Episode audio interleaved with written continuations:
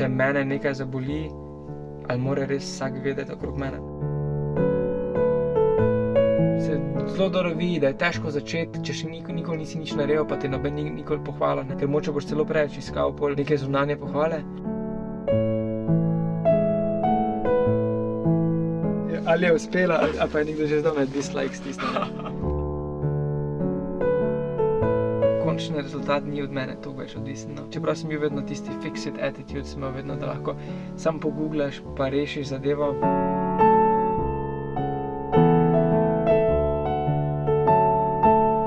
Delaš in veš, da boš trpel, in na koncu bo dobro. ne. Tim, hvala ti za mikrofon. Ja. V bistvu se mi je porodilo eno vprašanje, ali pa se mi poraja že dlje časa in razmišljam o njem. In sem rekel, da tebe vprašam najprej, ker mislim, da bi pa znal imeti dober odgovor, ki bi tudi dopolnil malo mojo sliko. Mhm. To vprašanje pa je, kaj pomeni živeti dobro življenje. Zelo različne definicije imamo. Eni ljudje si želijo potovati po svetu, eni si želijo biti full produktivni, Mhm. uh, eni se želijo zelo veliko družiti s prijatelji. Sicer je zelo meta vprašanje, se mi je zdelo, da bi se pa dal vse malo mal v neko formulo spraviti. In tukaj sem se pa na te malo obrnil tudi, ker vem, da si imel ti včasih zelo drugačno vizijo kot danes. Ker se spomnim, da si želel v Ameriki biti skladatelj. Se pravi, ti se z muziko ukvarjaš, ti si medijski skladatelj za reklame, za filme, z, z željo, da bi v Ameriki uspel. Tako, tako da se očitno je v tvojem življenju tudi nekaj spremenilo. Če malo sem podeliš, kaj je dobro življenje, lahko pa čist neko drugo štartno točko izbereš. Jaz bi rekel, da se malenkost izoblikuje še vedno, bi pa rekel, da se je spremenilo predvsem v tem, da je prej je bilo, mislim, da ful individualistično.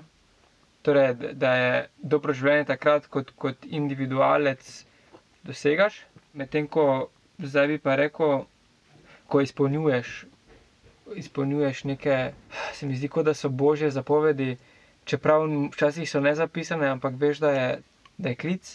Kaj bi rekel, da je definiral tvojo prejšnjo definicijo dobrega življenja?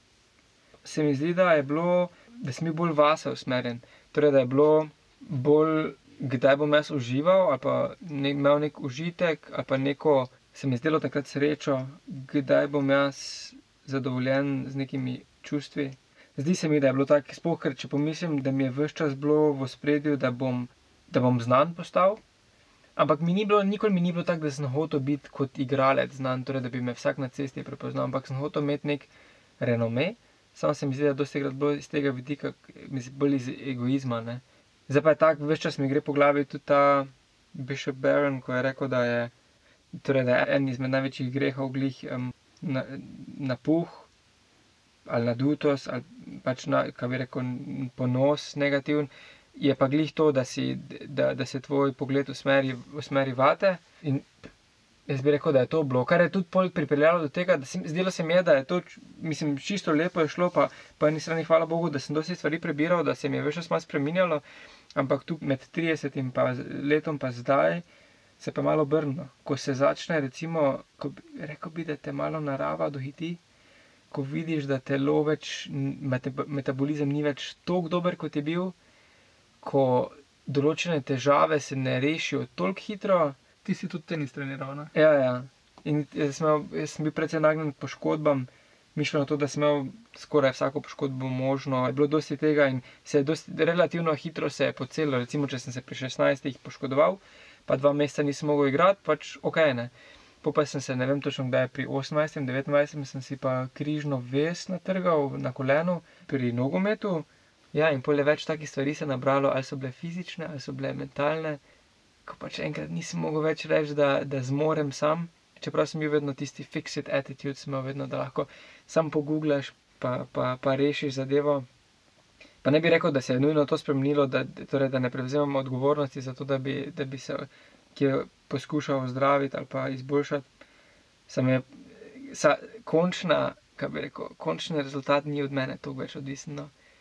Pa zdaj govorim čisto to, kaj, kaj bi lahko sam do tega prišel, ampak zdaj se bolj zavedam, koliko smo več čas pomoč od zgoraj. Pa zdaj je dosti lažje, če se, ob- ja, če se naslonim na to pomoč, pa če lahko zaupam. A pa si imel prav kakšno konkretno tako izkušnjo, ali je samo seštevek vseh izkušenj vodil, mogoče do tega spoznanja, da, ja, da, da očitno ta individualistična drža ni na dolgi rok smiselna. po mojem je bilo to, da je enih par stvari in ena izmed večjih je bila, da bi rekel, tisti video o tem, kako v bistvu lahko logično razrešiš uh, Jezusov obstoj, pa resničnost njegovega pričevanja, pa smrti, pa vsega tega. Ne začneš iz tega, isto, a jaz lahko to verjamem.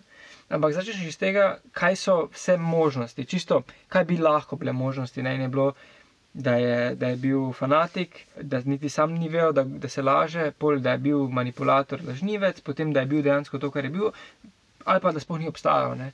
In pol, ko začneš te stvari, ko, ko jih razšveniš, vidiš, da je v bistvu najbolj verjetno. Da je to. Ne. In pol mislim, da je bil drug video glede vzgoje otrok, kako je vezano na resnico. Um, da v bistvu morajo začeti z neko resnico, da se sploh lahko na to gradi, ker če, če jim prepustiš vse, da je vse stvar interpretacije, potem so izgubljeni. Po pa je bilo to. Ta, ta film, ko je po knjigi napisan The Case for Christ, pa smo ga pol skarim pogledali in ti so me čist potegnilo. Že z tega vidika me je potegnilo, da, da je nekdo, ki je bil tako na objektivno, pa na, na to neko um, interpretativno realnost vezan, da je potem ugotovil, v bistvu, da, da se ne more temu izogniti, da je Jezus pač Božji sin. Po pa sem to knjigo prebral, The Case for Christ. Jaz mislim, da to, to je bilo to, mogoče en izmed večjih preskokov, potem kasneje, ko sem se v bistvu že odločil, da hočem biti Jezusov učenec, pa hočem biti dober v, v tem. Je pa bil ta Exodus 90, ko me je malo bolj, kaj bi rekel, malo, malo bolj mi je dal samo enih par praktičnih zadev, bilo pa strnjenih. Rešil sem se, bom rekel, enih par odvisnosti. Pa večkrat sem vključil molitev, pa da ne, ne, ne poslušam več glasbe, ki je ki spodbuja grehu da ne gledam filmov, ki spodbujajo grehu ali pa, ali pa takih stvari, oziroma da, sem, da, da se zelo zavedam, da, da to obstaja. Tako da v bistvu je to bilo. In jaz bi rekel, od, od, torej od Exodusa naprej sem tudi ugotovil, koliko je vezano bilo na to, da sem oče postal, ker sem začutil večjo odgovornost, da ne morem jaz več vsega popraviti. Ker prej je bilo vedno tako, če naredim napako, bom popravil kasneje. Zdaj pa je tako, da si ne morem tega privoščiti, tega, ker vem, koliko je prvi način vzgoje važen pri otroku tako da na kasneje praktično samo popravljaš, tako da mogoče pa tokrat ne rajem popravljati, ampak že od začetka poskušam dobro delati. Tako si predstavljam, da recimo imam, ne vem, sto knjig v glavi, ko bi lahko specifično dal komu ali pa sam sebi za popravljanje specifične napake ali pa za motivacijo ali pa kaj takega. In se zdi, kot da se je sam nabiralo, pa da več ne sfolgam. Po pa je, po pa je v bistvu bil taki switch, da sem rekel, ok, te knjige obstajajo, resnice so, resnica je zdaj pa Bog me vodi. In bolj bi se tako, da se mi zdi, da še zdaj se mi, pa po mojem se bo dogajalo naprej, se mi tako odpira, dosti manj široke teorije se mi odpirajo, ampak tisto, kaj rabim. Ali se spomnim nekaj, kaj sem že prebral, ali pa glih vidim neko knjigo, pa lahko tako ocenim, če je to nekaj, v kaj sem poklican. Ne? Včasih bi me kakšna knjiga nagovorila, ne, nekaj glede navad, pa glede takega, pa me zdaj ne toliko, ker bolje vem, bolje vem, ki me nagovarja, gospod. Zdaj, -hmm. ker se mi zdi, da da, da sem pač, ne vem, da, da sem poklican nekaj za pa. Ali bo v enem, ali v enem trenutku se dejansko spremenilo, da več ne bom, kar je sicer zelo strašljiva misel, ampak da ne bom več poklican v to, da glasbo delam. Zdaj se mi zdi sicer, da se sprašujem malo to vsake dolgo časa, pa ne vem, zdaj, da bi kje specifično videl znak za to, da ne. Predvsem zato, ker vem, da je moče celo ki potreba po lepoti v glasbi, ki se mi zdi, da jo prepoznam. No, in ravno ta lepota se mi tudi ena stvar, ki če iz svojega stališča pogledam, da jo včasih velikrat zanemarjam. Zate pa vem, da imaš zelo, zelo izostreno občutljivost za, za to, tudi za eno fizično lepoto, za ne vem, takrat, ko si mi tisti levi blokec tudi dal za darilo. Aha, ja. take stvari. Uh, ne vem, to, to ful občudujem, recimo. Se mi pa zdi, da smo vsem postali na nek način zelo, pa nočem generalizirati preveč, ampak zelo funkcionalisti v tem smislu, dokler stvar upravlja svojo funkcijo, takrat je v redu, ne rabimo zdaj še iskati pa še, še nekaj lepega. Ja, ja. Pa to jaz bi rekel, da to izhaja malo iz znanosti, ker tam je res važno, da je funkcionalno. Mm. Tam se ne išče, tam se išče kvazi resnico eh, znotraj naravnega sveta in se ne išče lepoto, ki je kvazi bolj subjektivna. Ne? Ampak to je pa glih to, če je svet naravnan popolnoma samo v znanost, kar je sekularno, pomeni, da lepota zginja. Ne? Ker konc koncev, zakaj bi, zakaj bi bilo smiselno plačati dvakrat, trikrat toliko za, recimo, za ograjo na balkonu, ki ima ornamente, pa vse to, če vam imaš ravno ograjo, pa mogoče bi celo nekdo rekel, da je funkcionalno boljše, ker nima nekih ful več robov, se otrok ne bo udaril, več boš videl, take zadeve. Um, teda, ja, se, se strinjam s tabo, da je, da je funkcionalnost dosti krat uh, um, zdaj v fokusu, ampak ja. Zdaj, kako lahko jaz en dan se odločim, da bom začel ne samo videti lepoto, ampak jo zavestno da, tudi in ustvarjati ali pa vstopati v njo. Čist na praktičen način, tako kot si prej rekel. Recimo, ena taka stvar je, da, da dejansko se potrudiš za ograjo, oziroma mm. da, da ne gledaš samo na ceno, pa naravnost linij. Kaj bi bil še kakšen tak, vem, primer? Zbirko sicer, da je to zelo, ši, zelo široka tema. Ne? Po mojem, treba razumeti lepoto kot takšno, da je ne moreš kar rekreirati. Torej, da recimo, mm. če nekdo naredi neko lepo sliko, ali pa da ne moreš kar reči, sem pa to skopiral, pa bo enako lepo. Teda, zato bi jaz rekel, da se začne večinoma v naravi, ko je, ko je sigurno svoje vrstna umetnina najbrž največja. Da pogledaš tam, ali je nam sploh možno kaj takega rekreirati. Ne? In je, uh, pa ne govorim to, recimo, da si, da si daš zemljo domov, pa daš eno rožico, not pa da rožica zraste, ampak da ti lahko, da, ti, da bi ti dejansko sam nekaj takega naredil. Zelo težko priješ do tega, da bi, da bi lahko sam naravo naredil. Ne? Konceptualno se tu se že, že semantično se ujamem v to, da ne gre. In pa po mojem pride prepoznavanje tega, pa da se enkrat zavedaš, da, da si manj, da si manj kot je, kot je Bog. in pa da si hvaležen. Potem pa iz te hvaležnosti pa začneš iskati, kako lahko ti prispevaš k lepoti. Ne? Ker potem ni več tako, da, da si ti aroganten in poskušaš z lepoto druge prepričati, ampak poskušaš dodati lepoti, ki že obstaja, ne glede na to, kaj drugi, nekdo drug reče. Ne? Kje se to včasih pri ljudeh tako simpel, pri ljudeh spoznaje to, da če si vzameš več časa za nakup čevljev, Torej, da ni tako, da prideš, pa gledaš akcijo, pa vzameš čevlje, ki so trenutno popularni, pa firma, pa vse to. Ampak da vidiš, recimo, če ti če barva, ne vem, če recimo barva teh čevljev, če ti ugaja, če si, če si sam sebe kdaj v gledalo pogledal, pa se ti zdi, da, da ti je, je vrejo. Potreben je pogum, zato ker, ker ne more ti noben povedati, kaj je lepo na tebi, ali pa kaj je tebi lepo. Zato je tako fascinantno, včasih, če prijem kam pa je nekaj, kar nikoli v življenju jaz ne bi izbral, ne? pa mi je lepo. Ne? Kar je recimo glih narava. Ne?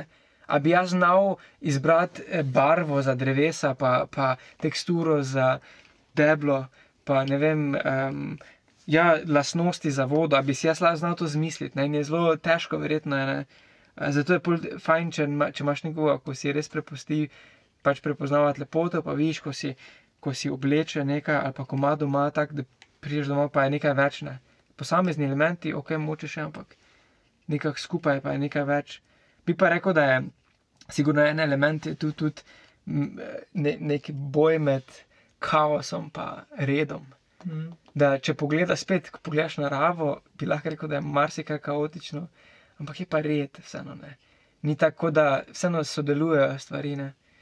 Ja, jaz imam kle v, v, v tem oblačilnem smislu, blazen problem, ker sem totalen funkcionalist hmm. in preprosto si niti ne znam časa vzeti za to, da bi, tako, da, da bi mogoče si vzel več časa za kos oblačila. In, in zadnjič, ko sem šel v trgovino, sem bil kar slabe volje, ker, ker, ker se mi je zdelo, da sem zgubil veliko časa in sem takrat ugotovil, no, kako sem nesvoboden v tem. Da, da mora vedno, ko gre, se nekaj zgoditi. In problem, predvsem pri oblekah, ker so meni relativno nepomembne. In mi je tle zanimiva ta perspektiva, ker dobro poveš, ja, da, da vsaka stvar mora imeti neko, ne samo funkcijo, ampak več kot samo funkcijo. Tudi stvar mora povzročiti neko občutek, ne neko občutek domačnosti. Bi rekel bolj to, da oblačila so pač en taki mali sestavni del. Ne?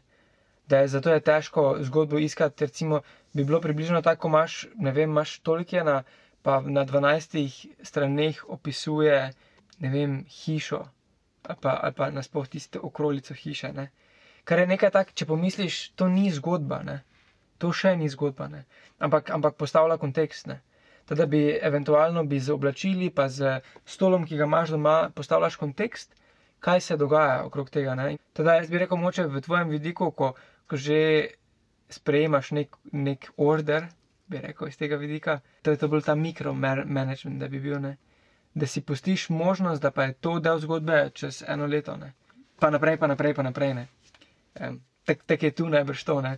Da ti, da, e, tako kot je Mark Zuckerberg, sicer ima čisto funkcionalno, da ne kupuje različnih majic, ima en stil majice, pa ima vse iste, tako da se ne sprašuje, ne, je ta del funkcionalnosti, ampak ne na zadnje, jaz mislim, da je to tudi nek nivo lepote, ne veš, ker je pač. Ker Ja. je on. Ja, ampak jaz, jaz bi rekel, da ker sem mal po- ujetnik podobne ideje. Aha. Uh, ampak spet vidim, koliko je biti dober, uh, razsipen s časom v nekaterih stvarih, da šele takrat se življenje. Aha. pokaže. Ena taka stvar mi je še, ena stvar, ki jo občudujem, uh, je še to, da čeprav si glasbenik, pa ustvarjalec, da lahko živiš od tega. Se pravi, zato ker je velikrat je v, predvsem med ustvarjalci, uh, ja, ena, eno pomankanje cenjenja tega in, in da bi se cenili, da bi si znali dati sebi vrednost in jo tudi pokazati drugim. Uh, tako da imaš mogoče kakšen koristen celo na svet za koga, ki, ki rad, rad ustvarja, pa, pa vidi, da bi lahko s tem dal nekomu vrednost, pa, pa se mu preprosto ne izide. Oziroma, kako se je tebi izšlo. Začne se s tem, če prepoznavaš pomanjkanje lepote, pa lepoto. Tako da, recimo, primer bi bilo, da gledaš film, pa, vidi, pa, pa, pa zelo ceniš, pa ti je všeč filmska glasba, pa ti je fuldoro, kak je kje narejeno, hkrati pa vidiš, da bi bilo kje mogoče lahko drugače narejeno. Kar je spet, če nisi še nikoli nič kaj ekstra naredil, je arogantna pozicija, mogoče malo, ampak od tu izhaja to, ne, da ti lahko pogumno rečeš, mogoče pa je lahko nekaj lepšega ali boljšega. Ne. In da če ti prepoznaš to, potem poskušaš to ali v svojih projektih, ali v komunikaciji z drugimi, pač malo, malo omeniti, ne? ali pa, ali pa nekako naprej prenesti. In bi rekel, da se začne na tako malem nivoju, da je težko pričakovati, da na začetku se sploh kaj. Da se fulkaj obnese finančno. Ker to, to pa je tisto, ne? ti moraš biti na začetku že precej pogumen, teda ko priješ enkrat do neke pozicije, ko, ko imaš moče neki mini avtoriteto, da ne takrat menjaš mnenja. Ne? In takrat še lepo gumen postaneš, ker, ker bo teže, bo zato, ker si zgradil vse skupaj na, na eni določenem laži. ne. Teda, Kaj pa to pomeni v nekih praktičnih? recimo, rečemo, glih pač iz vidika glasbe. Ne? Recimo, slišiš Miley Cyrus, pa slišiš, da ali da besedilo nekaj manjka, da je mogoče preveč površinsko, ali da, je, da so akordi preveč očitni, ali da, ti, da bi lahko moče tam kak akord ali pa kakšna sprememba, ali pa da aranžma produkcije, da bi lahko bilo kaj drugače, da bi malo boljše se obneslo za všesa, za, za čustva pa to. Po pa, po pa te prime, da bi probal to rekreirati in pol vidiš, da, da probaš samo ta del rekreirati. Moče celo narediš cover, pa samo ta del spremeniš, ne? Ali besedilo, ali, ali akorde, ali karkoli.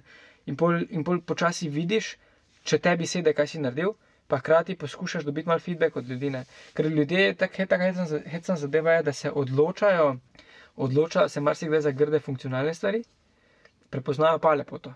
Mm. Tako da, če pogledaš za nazaj, redko kdo bo rekel, da pa je, ne vem, da je Whitney Houston slabo pela. Pa da je imela, mislim, moče bo rekli, da je kako mlad bil preveč komercialen, pa to, ampak da je prav slabo pela, pa težko. Ne? To sem jaz imel malo srečo, da, da so ljudje okrog mene, vsaj določeni, so me pohvalili, ko sem jaz nekaj naredil. Čeprav zdaj, ko nazaj pogledam v nekem objektivnem smislu, recimo ali je produkcijsko ali aranžmajsko, karkoli, je marsikaj bilo zelo je manjkalo. Ampak če pomislim samo tisto, ja, je neka lepota zadaj, ne, nekaj, nekaj sem poskušal ujeti in ljudje so to prepoznali. Mislim, se ne na zadnje, recimo starši ali pa nasploh ljudje znajo pohvaliti otroke, ko narišejo nekaj, kar ni objektivno, ne vem, neki masterpiece. Ne. Ampak vidijo pa noter, wow, kira poteza, ne, kiri lepi krok, kiro dobro senčanje, ali pa, no, ali pa nos, ali pa kar, karkoli narišejo, pač kira vizija, ne, da so si nekaj zmislili in ti od tam dalje jedne. Se zato zdaj, ko mislim, v bistvu se zelo dobro vidi, da je težko začeti, če še nikoli, nikoli nisi nič naredil, pa te noben ni nikoli pohvala, ne? ker moče boš celo preveč iskal pol neke zunanje pohvale.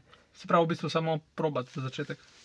Ja, konstantno delati, pa vse sigurno, ko dobiš pohvalo ali pa neko kritiko, da je to del procesa, ne? da ti to vzameš, pa greš naprej, ne? da ne delaš izključno za pohvale ali pa izključno za kritike. ne. Um, in, in delaš konstantno naprej, pa tudi da kritike ne vzameš kot usmeritev vizije, ampak usmeritev tehnike. Ne? Mogoče tudi uh, usmeritev nekega namena. Recimo, da bi narisal nekaj, kar je zelo, ne vem, nekega krvavega, pa nekaj takega, pa bi te nekdo vprašal, zakaj, zakaj bi to narisal. Ne? In če ne znaš vsaj malo v smislu tega, močeš, ok, moč pa nima smisla, da to rišem, ne? ker niti ne bom. A še ne bom tam nekaj dosti prepoznal. Ne? Ni, aha, nekje sem videl pred kratkim, da je nekdo rekel, da umetnost delaš zase, iz vidika, da delaš nekaj, kar je res tebi lepo. Ne? In to se mi zdi res vredno. Je pa težko tu, težko je balancirati to, ne, da nisi egoist, mislim, egoist, da nisi, da, da nisi vsa, vase zagledan, da delaš nekaj, kar je sam tebi lepo, pa hkrati nekaj, kar je drugim. Um, in tu bi rekel, glih to, če ti delaš nekaj, kar se ti zdi, da je lepo, pa nekaj, kar prihaja od Boga, potem bo nagovorilo tudi ljudi. Ne. V bistvu se mi zdi zelo simpel formula, ampak ker se začne že pri prvem dnevu, ko, ko si rojen, na kak način imaš odnos s starši, z okoljem, z vsem tem, ne, z neko avtonomijo, sodelovanje z okoljem, z stvarmi, pa z, z dražljaji, ki jih dobivaš od drugih ljudi. Je ful tak se mi zdi, da dejansko lahko ti lahko ustvariš, mislim, ustvariš, ti lahko sigurno zatreš umetnika v, v zgodnih eh, letih, La, lahko pa mu pomagaš. Ko to delaš, potem pa je tisti pogum, da ti dejansko greš do človeka, ki ima morda neko določeno avtoriteto na nekem drugem področju, primer bi bil režiser, pa producent, pa mu rečeš, jaz mislim, da lahko to glasbo naredim, da lahko vaš film naredim boljši s to glasbo. Ne? Ker je spet zelo egoistična pozicija, ampak, ampak je spet to, če delaš film zato, da bo drugim všeč, če si znaš predstavljati, da, da bo na koncu tak, da bo, bo, bo ljudje film gledali, pa spovedli ne bo, da si ti glasbo napisal, pa ti je to ok. Kaj, kaj bi pa rekel, da je mogoče pri tebi še eno tako področje, kjer se ti zdi, da ga pa hočeš tako izboljšati, čist v, v tem odnosu do dobrega življenja ali pa rodovitnega življenja? Tako, recimo, če pomislim na to vprašanje, se mi ne poraja ena, ena tako močna zadeva. Bolj so male, kar je sicer spodbudno, ampak je hkrati, hkrati jih je teže prepoznati. In ti najmanj nisem tam, kjer bi rad bil, ampak je vse skupaj ena taka mineštra.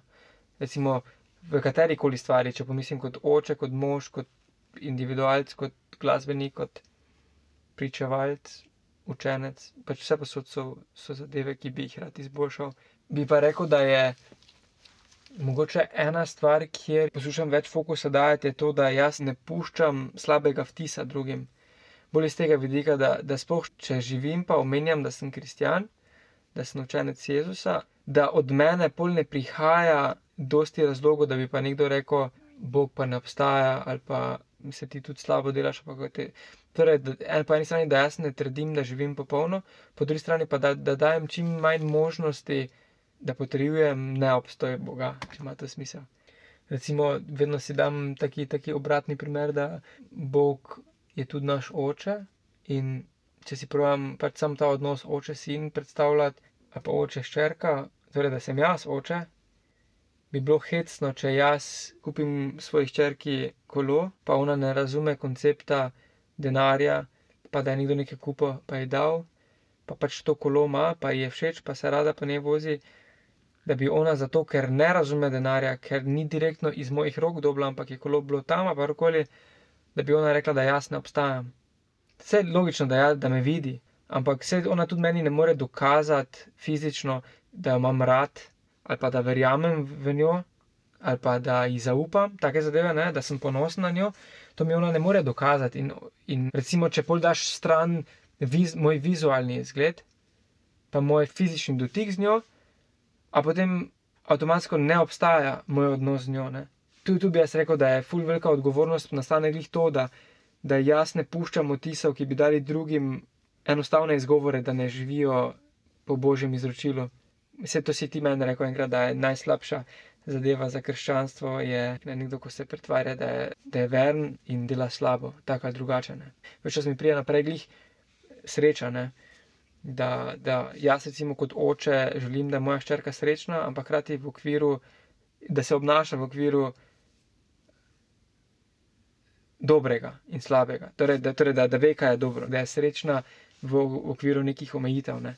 In, in tu se meni zdi, če sem jaz omejen na, na ta čas, na ta prostor, na, na ta, to izkušnjo, da sem jaz srečen znotraj tega. Ne? In da je moja odgovornost. In da tudi da takrat, ko nisem srečen, kar je glih, takrat se najbolj pokaže, da takrat ne prenašaš, ne prenašaš slabega okrog. Ne? Mogoče ena najbolj praktična stvar bi bilo to, če mene nekaj zaboli, ali mora res vsak vedeti okrog mene. Ne? Šaj je to nekaj, kar morajo vedeti. Ne? ali pa če se mi nekaj krivega zgodi, ali moramo skupaj, skupaj iskati krivca, um, ali lahko mu čas prevzamem krivdo, pa, pa, pa gremo naprej. Um, take zadeve. Jaz bi te na koncu sem še vprašal, mogoče za en nasvet, za življenje nasploh. Mogoče vem, da je spet široko vprašanje. Ampak tako iz tega vsega, kar si povedal, tako, kar, kar si govoril o o resnici, pa o lepoti, kako, kako lahko ne vem, nekdo, ki, ki bo mogoče to poslušal, če bo to prišlo v, v javnost. Uh, ja, kako bi lahko prišel en korak bližje uh, in lepoti, in resnici, tako ali pa jo ukorporiral v svoje življenje. Jaz bi rekel, da je en izmed večjih korakov, sigurno, da, da se lupimo egota. Mislim, lahko par na primerov, pa se lahko čisto vsak sam vpraša, kaj točno ga muči. Nismo tako lepi, da smo najlepši, nismo tako pametni, da smo najpametnejši, nismo tako zdravi, da smo najbolj zdravi, nismo tako fizično sposobni, da smo najbolj fizično spo- sposobni. Ne? Torej, vedno se nekoga najde, ko je bolj, kar ni mišljeno, da je nekdo najbolj v vsem, ampak je pri enih izmed teh stvari, je pa sigurno tako, da, nas mo- da nas verjetno prav polomi. Pri meni je recimo bilo to, da, ja, da, da nisem tako zdrav, kot se mi je zdelo, da toliko zdravja preberem. Nisem, moje telo ni tako trpežno, kot, kot bi bil moj ideal, kar pomeni, da, ja, da v bistvu nisem tako dober. Ne? In ta ego, da stran prvo, da se resnica začne prav tu, koliko smo mi napihnjeni z lastnimi lažmi, ali pa da nam drugi nalagajo laži, kar je tako hudo, zaradi tega, ker poživimo v, v namišljenem svetu, da se pravimo prav tega olupiti, pa pa hkrati znotraj tega ugotoviti, da smo narejeni v podobi Boga in da res vidimo, kaj to pomeni. Torej, da ni to, da mi lahko delamo odločitve kot Bog, ali pa da mi lahko ustvarimo tak svet, kot ga je Bog ustvaril, ampak da imamo mi določeno avtonomijo, da delamo svoje odločitve in da imamo določeno odgovornost, da vplivamo na svet v, božjem izročilu. In to je nekaj čist drugega, kot pa to, da hodiš okrog in govoriš, kakšen frajer si, ali pa ne vem, kako ti vse zmoreš, ali pa neke take zadeve. Teda bi rekel, da to je, to je eno, drugo pa je to, da se ti znaš, da se znaš malo strandati od ljudi. Torej, jaz bi rekel v generalnem post, torej post od ljudi, post od informacij, post od hrane, pa post od vseh odvisnosti, ki bi, lahko bile. Um, in da se daš nekaj časa malo stran, recimo v naravo, um, lahko je že samo ena ura brez tehnologije, karkoli, in poskušaš tam zdr zdržati, govorim pa zdržati, ne da greš v naravo nekaj delati, kar ti je zabavno, torej da se greš kopati za eno uro ali pa karkoli, ampak da greš in si samo tam. In da vidiš, kje se tebi zdi, je prevroče, gremo nazaj, ali pa o, ne vem, v bistvu je brez veze to, ali pa je dolgočasno, ali karkoli. Da, po, da poskušaš prvo to videti, koliko rabiš druge stvari. In pa, po mojem, ko lahko se tega rešiš, da lahko zdržiš par ur, pa da se zavedaš, da bo težko, da se prav zavedaš, da greš tja zato, da boš videl, kje si še slab. Pa, pa se mi zdi, pa se taka lepo, lepota za tem pojavi. Tako se mi zdi, kot, kot, da, kot da se voziš 8 ur v avtu, ko noben ne uživa 8 ur se voziti, pa priješ na morje. In tako je tu. Pač delaš in veš, da boš trpel, in na koncu bo dorane. Podpišem. Hvala, da si si čas vzel. Hvala, da imamo lahko take pogovore, zdaj smo vključili še mikrofon, moče še komu to lepo prišlo. Upam, da bo, da bo ta salata komu smiselna. Včasih se mi zdi, da, da povem kaj pametnega, pa pa, pa, pa hkrati se mi zdi, da, da je sa- solata idej. Bo, bomo pustili presoji. A- Ampak si, si ti tisti, ko zna red narediti, ne? Teda zaupam vate, da, si, da, da boš, da si to zmontiral, tako da, da, da zvenim pametnejši. Evo, zdaj le. Zdaj, kdo to posluša, je to že zeditirano Ja. upam, da mi je naloga uspela. Tak, je, je, ali je uspela, ali pa, si nekdo, ali pa je nekdo že znal med dislikes stisnil. Tim, hvala ti. Ja, hvala tebi.